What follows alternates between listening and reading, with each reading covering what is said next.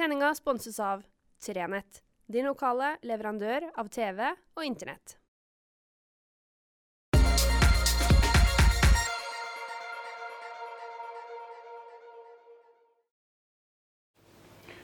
Riktig god fredag. Det er strengt tatt ikke lett å sitte inne i dag med det helt fantastiske været vi har fått. Og la oss nå håpe at uh, meteorologene sin spådom om at det skulle bli uh, litt mer uh, ja, ikke så bra gjennom helga, at, det, at vi kan feie det vekk. At det blir ei helt magisk helg. Jeg registrerer jo til min store fornøyelse at Ut i nord er kommet godt i gang. Det er jo enda en del av postene som ikke er åpna fordi ja, rett og slett fordi det er for mye snø på toppene. Men mange, mange er åpna. Jeg har vært på et par.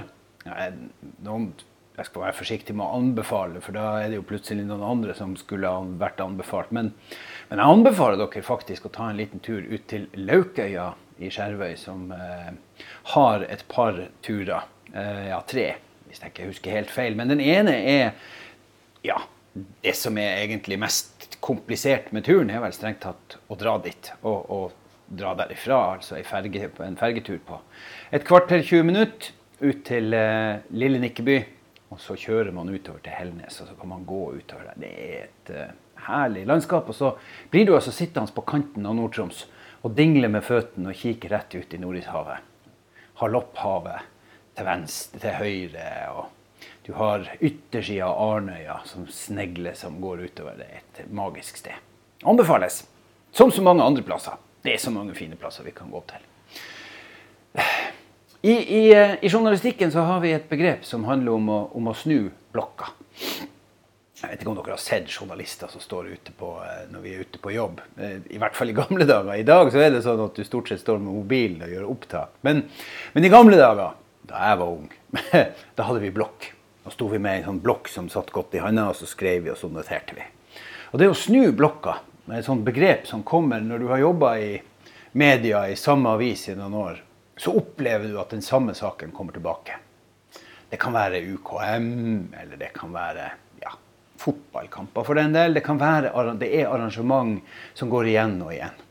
Og når du står på det samme arrangementet for femte året på rad, da kan man av og til slite litt med å ikke skrive opp at saker fra i fjor, eller saker fra året før, eller saker fra året før den tid. Og så ender du med at du egentlig like gjerne kunne ha snudd blokka funnet fram de gamle notatene dine fra for et år siden. Det å snu blokka. Men det er noen greier som det er uendelig deilig å snu blokka på. Og som vi nok sannsynligvis ikke kommer til å fylle med det samme innholdet på lang, lang tid. Pride.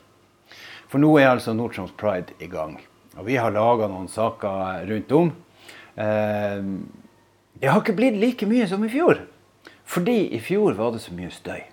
Det var så mye uro omkring hvem skulle gå i parade, og ville ordførerne gjøre det, og ville noen, og hit og dit, og hva ville folk si? Og så var det debatter omkring flagging. Skulle kommunene flagge? Og i Skjervøy ble det styr i forhold til at nei, men vi hadde jo ingen arrangement, og da tilsier flaggloven at vi ikke kunne. Til alt hell så fant man altså i kommunestyret i Skjervøy flertall for å kunne flagge. Og så ble det flagga med prideflagget på pridedagen. Jeg håper virkelig at man huske det i år òg. Eh, for nå er altså flaggloven endra sånn at det er helt åpent for å flagge. Man trenger ikke å gjøre noe vedtak. Det står opp til administrasjonen i kommunene å flagge. Jeg syns at eh, det er på sin plass at det flagges. For mine damer og herrer, jeg føler, selv om vi har en lang vei å gå, så føler jeg at vi har kommet et lite steg videre hva angår pride i Nord-Troms. Hva angår stolthet. I fjor snakka jeg ganske mye om det her og hva det kan innebære å sitte med den følelsen av utenforskap. Den angsten som mange homofile, bifile, transpersoner etc. kan kjenne på. Fordi de merker at det er noe ved dem som ikke er likens. Men kjære verden, det er jo noe med meg òg som ikke er likens. Jeg har òg mine særegenheter. Ting som sikkert folk ikke liker. Ting som jeg burde kanskje ha gjemt bort, men som jeg går rundt og, og, og bærer på. Og det har vi alle sammen. Vi har alle et eller annet. Men for noen er det et eller annet så uendelig viktig. Det å skulle gjemme bort hvem du er, hvem du innerst inne er, Det å skulle pakke det vekk og late som du er en helt, helt annen, det går ikke. Vi kan ikke holde på sånn overfor de menneskene som bor sammen med oss. Og så er det noen som sier at nei da, men pff, vi har jo ingen. Det er jo ikke noen som står fram. Det er jo ikke Nei da. Jeg er ganske sikker på at i et fotballag med 22 spillere eller mindre, så sitter noen som ikke sier noe. Så er det noen som føler på at det er for flaut, skambelagt. Hva kommer kompisene til å si? Og i idrettsmiljøet har vi ei utfordring. Innenfor kristenmiljøet har vi ei utfordring. Men jeg tror vi har det også ellers. Og jeg tror ikke vi skal være så cocky at vi bare sier at problemene ligger der og der og der. Vi må gå i oss sjøl. Og vi må stille oss de spørsmålene som vi måtte gjøre under metoo. Nemlig er vi åpne nok? Gjør vi nok? Er vi flinke nok? Stiller vi gode nok krav til oss sjøl? Er vi ærlige nok? Det er superviktig at om vi er det ene eller det andre, så får vi lov å være det. Og Hvis vi ikke får lov å være det, så begynner vi å kappe av oss sjøl den vi egentlig er, den vi burde være. Og de av dere som nå kjenner på at nei, det her kan jeg ikke akseptere. Nei, men kan vi prøve å la det bli i oss sjøl? Kan de av oss som kjenner på at det her fikser ikke, prøve å tenke oss at vi er i andre enden. Og at de menneskene som heller ikke fikser det, nemlig å gå og gjemme på seg, bærer på egentlig litt av det samme. Det er de tingene vi er nødt til å ta tak i. Og for noen mennesker så er det å være homofil så skambelagt, så pinlig, så flaut, så fælt at de istedenfor å komme ut med det, velger å avslutte sine egne liv. Vi kan ikke ha det sånn. Vi kan ikke ha folk Vi kan ikke ha det sånn at folk velger å ikke leve framfor å leve sammen med oss. Og Derfor er pride så uendelig viktig, også i lille Nord-Troms. Og jeg kjenner på at det har nytta. her første året har gjort lite grann. Det er ikke så mye bråk. Det er ikke så mye uro. Det er ikke så mange som går opp på barrikadene og sier at det her er galt.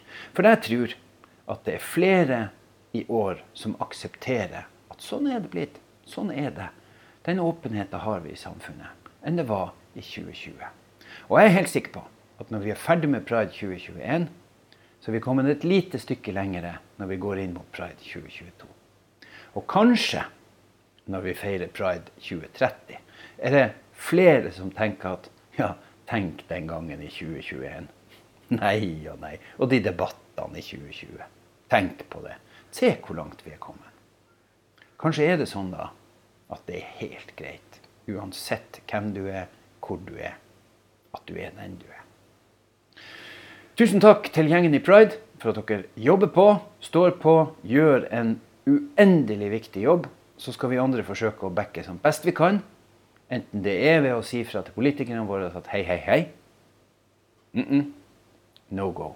Eller det er ved å gå i parader, heise flagg, eller gi noen som har kommet ut av skapet. En god klem og si hjertelig velkommen ut. Så fint å se deg.